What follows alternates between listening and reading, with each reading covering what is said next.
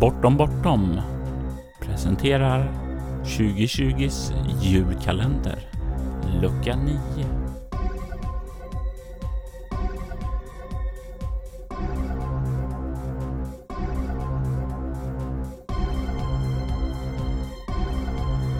Bakgrundsmusiken i detta avsnitt gjordes av Derek and Brandon Fichter och vignettmusiken gjordes av Robert Jonsson.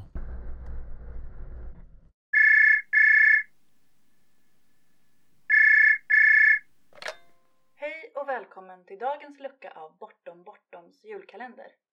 Jag heter Anna-Karin Linder och du kan lyssna på mig när jag spelar Vampire i No Man is an Island med Red Moon Roleplaying. Och jag vill berätta om ett minne som rollspelen har gett mig. Vi är ute i ett hus på landet för att spela rollspel. Det är sommar, fantastiskt väder, ljuvliga kvällar med vindstilla utsikt över Mälaren. Vi varvar tärningsrullandet med att sabrera flaskor med bubbel och äta god mat. Vi är fyra spelare och en spelledare och vi är mitt i andra världskrigets Ryssland. Fyra unga Stalintrogna bombflygare, de som av tyskarna skulle kallas för natthäxen. Natthäxorna, för att de kom ut ur mörkret, glidflög in med sina flygplan och bombade skiten ur tyskarnas baser. Det som många inte vet är att natthäxorna flög de sämsta planen i Röda armén med motorer som symaskiner gjorda av segelduk och lite plywood och de planen kom inte upp i mer än 100 km i timmen. Att stänga av motorerna var ett sätt att inte bli nedskjutna av luftvärnskanonerna, inte för att stila. Flygarna lastade extra bomber istället för fallskärmar och de flög fler flyguppdrag än någon annan i Röda armén. Trots att varje uppdrag var fullständigt livsfarligt. De var som man säger nu för tiden jävligt, jävligt badass. Att de inte har en påkostad Hollywood-blaffat i film än är ett mysterium. Men hur som helst, under ett uppdrag så blir vi nedskjutna bakom fronten. Vi lyckas precis landa men blir av med ena planet. Vi stjäl bensin från en bondgård full med SS-män och lyckas lyfta med två av flygarna fastspända på vingarna medels våra egna skärp. Stämningen är hög.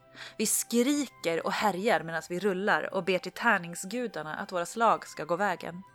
Till slut övernattar vi i ett gammalt sågverk när vårt bränsle tagit slut. Bara för att väckas av fyra beridna SS-män från SS kavalleri division Florian Geyer. Med lite tur, kvinnlig list och jävligt tursamma tärningsrull så lyckas vi ta ner dem, ta deras hästar och rida tillbaka till vår sida av fronten. Jag var svettig av adrenalin vid det här laget. Alla mina rerolls var borta och det kändes som jag dragits genom en mangel. När vi rider in för att rapportera förlusten av våra plan och förhoppningsvis kunna släta över det med att peka ut vart det finns en SS-bas så inser jag de kommer att ta våra hästar. De kommer att ta dem och skjuta dem för att de tillhör nazisterna. Jag inser det samtidigt som min rollkaraktär Katja inser det och det kommer som en våg av panik över mig. Och jag börjar plötsligt hulkgrina vid spelbordet. Och vi får ta paus. Grejen är den att jag är lika förvånad över detta som mina spelkamrater. Vad sjutton var det som just hände? Jag har ingen egen relation till hästar i mitt privatliv, äger ingen häst, var ingen hästtjej som barn. Det finns cirka noll anledning till att jag nu får den här reaktionen. Ja, vi tar i alla fall en liten paus. Jag får gråta klart samtidigt som jag skrattar för jag är så förvånad över denna orimliga överreaktion. Jag kan höra mig själv säga 20 minuter tidigare. Jag ska döpa dig till kamrat och du ska vara min häst. Varje gång jag tänker på att jag döpte hästen till kamrat så börjar jag gråta igen. Till slut återtar vi spelsessionen men jag kan inte hålla tårarna borta i scenen heller när vi blir utfrågade om hästarna.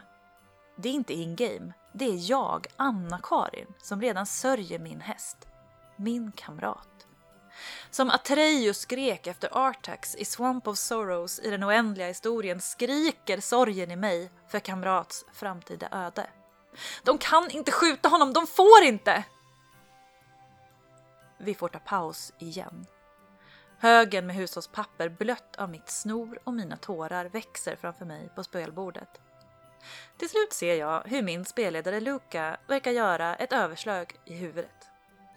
är kostnaden för Anna-Karins intakta sanity och chansen att kunna fortsätta spelsessionen att Kamrat och hans hästvänner får leva.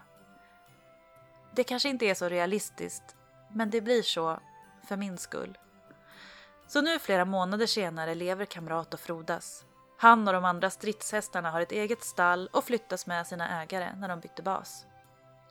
Och nu är det ändå motiverat för våra rollpersoner gör bra ifrån sig i kriget. Att vara en krigshjälte har sina fördelar och ibland måste man vara snäll med sina spelare när de drabbas av oförklarliga psykbryt och inte kan sluta gråta över fiktiva hästars öde. Leve Stalin och god jul!